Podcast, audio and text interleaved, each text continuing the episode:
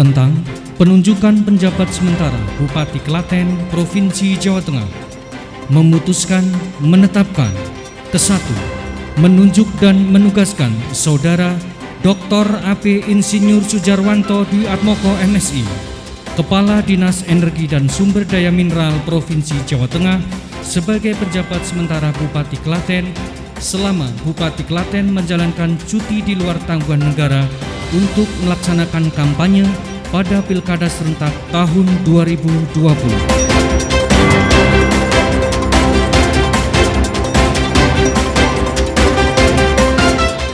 Kembali ke kuping panas. Kumpulan info penting yang lagi panas. Oke Alvin, kita lagi ada di mana ini?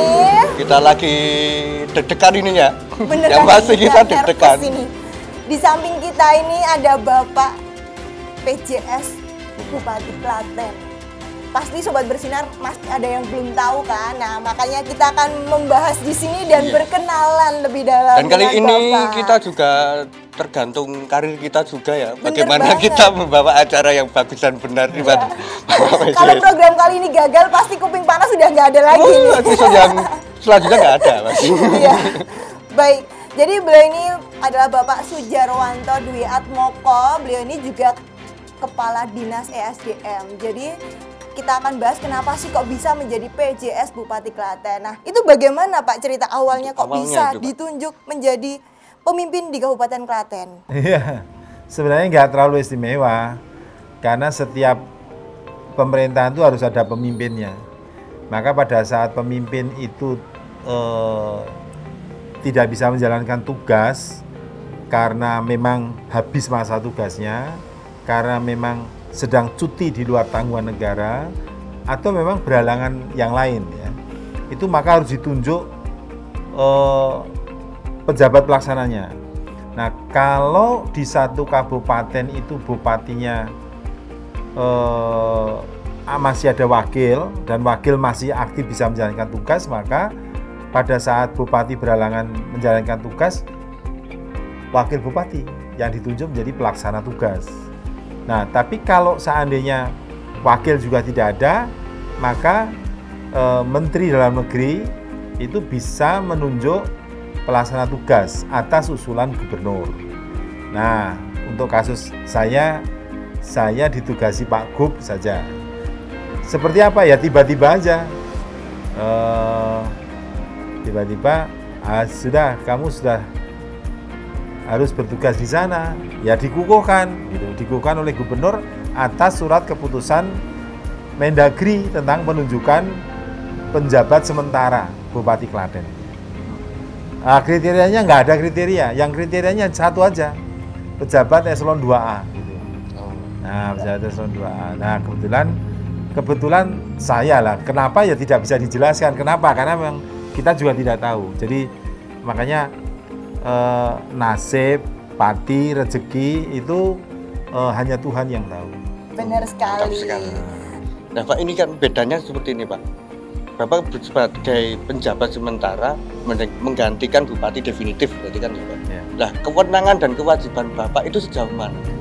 ya sejauh menjalankan tugas-tugas untuk kepemerintahan ya tapi untuk hal-hal yang prinsipal misalnya saya di dalam kepegawaian lalu mindahin ya kamu tak jadikan sekda gitu ya kamu tak jadikan asisten itu nggak bisa Amin, diaminin dulu ya. Siapa tahu beneran eh, gitu. Nggak bisa. Oh, nggak bisa, tapi. Nggak bisa.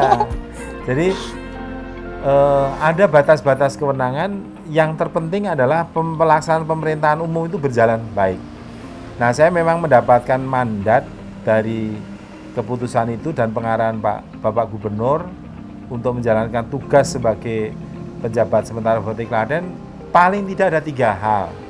Pertama, pastikan bahwa pemerintahan umum berjalan. Ya. Kedua, ini adalah masa pandemi COVID.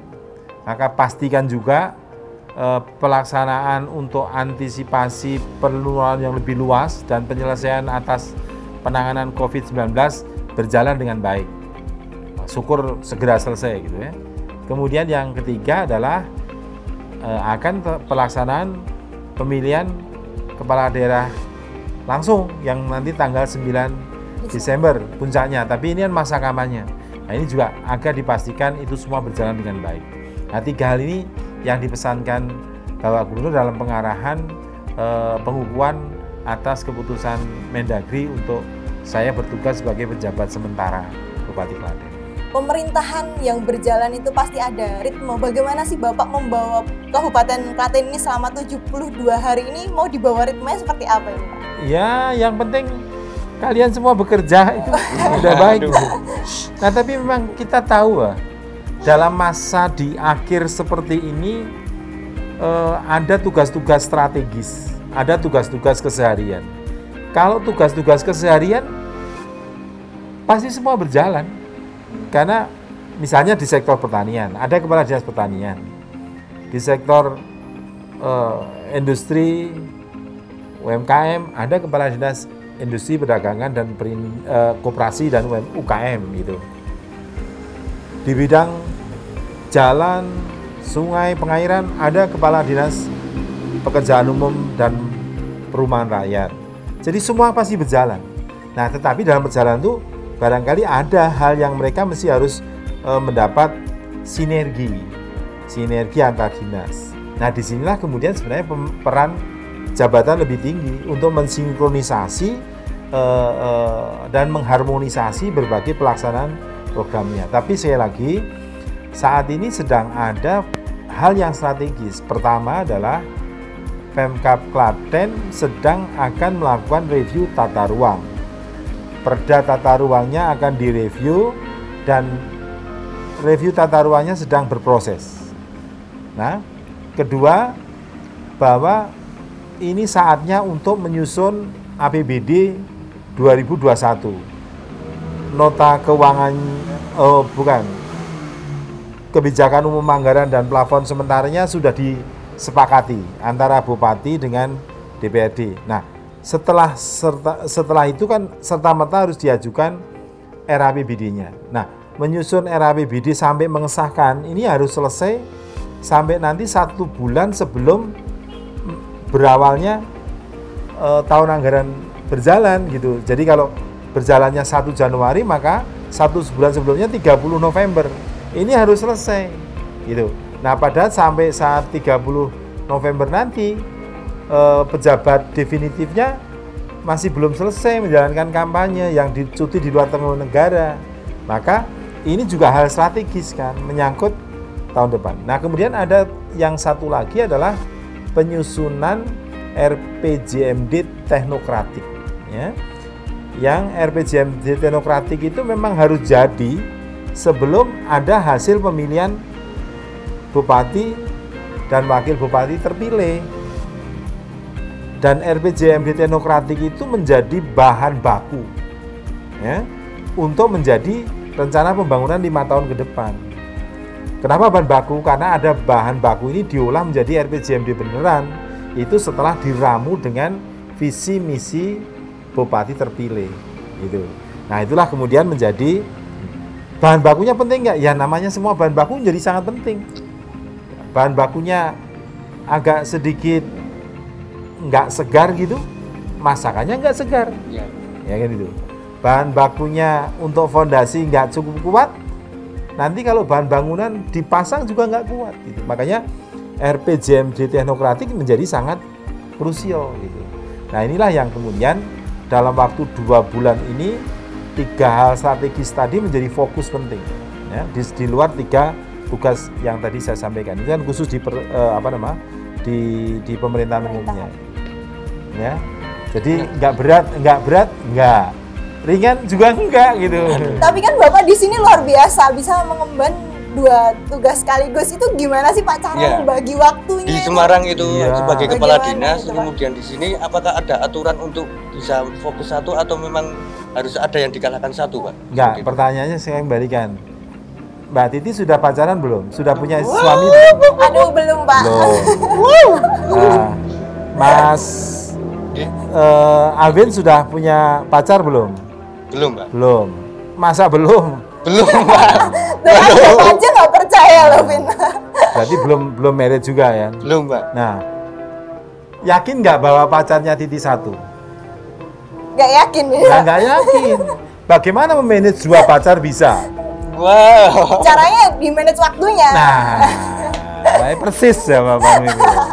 Jadi bagaimana kita memanage dua-duanya mesti berjalan, maka yang penting kita ngerti esensinya kan. Ya, Setelah kita ngerti esensinya, lalu pekerjaan itu kan ada tingkatannya. Ada yang harus turun sendiri. Ada yang bisa delegate. Ada instrumen mendelegasikan. Nah, ada instrumen lagi yang menggunakan teknologi. Maka teknologi menjadi penting. Makanya teknologi digunakan untuk mengambil keputusan banyak hal. Jadi misalnya kalau kalau di kantor dinas SDM kami menugaskan pelaksana harian. Salah satu kabit saya tunjuk menjadi pelaksana harian. Maka dia yang mengus- mengeksekusi yang sifatnya harian. Nah, hal-hal strategis menyangkut kewenangan keuangan, kewenangan aset, dan kewenangan personalia masih di saya. Maka yang hari-hari bisa dieksekusi langsung oleh kawan-kawan dipimpin oleh PLH, lalu kemudian hal strategis kita bisa menggunakan teknologi sekali lagi. Nah, teknologi itu eh, misalnya penandatanganan kita sudah pakai eh, namanya tanda tangan elektronik TNDE. Nah, di TNDE itu kan di sini tinggal belajar. Oh, ada konsep ini, diajukan ini dibaca. Setelah dibaca kita approve selesai, semua selesai. Jadi teknologi menjadi kata kunci. Nah, kayaknya kalian memanage pacar juga pakai teknologi kan? Aduh. ya pasti itu kalau nggak pakai teknologi nggak bakalan ini pak. Nah, Sering like dan komen di Instagram, Pak.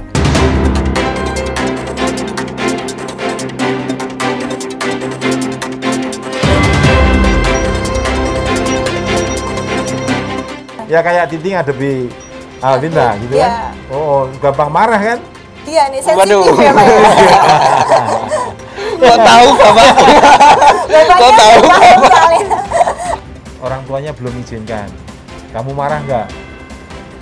Enggak, Pak. Jangan dimarah ya, saya bilang gitu. Karena apa? Jangan sampai ditakut-takuti. Kalau nggak masuk, nilainya diturunkan. Nah, itu kan. Nah, jadi pokoknya merdeka belajar, belajar merdeka.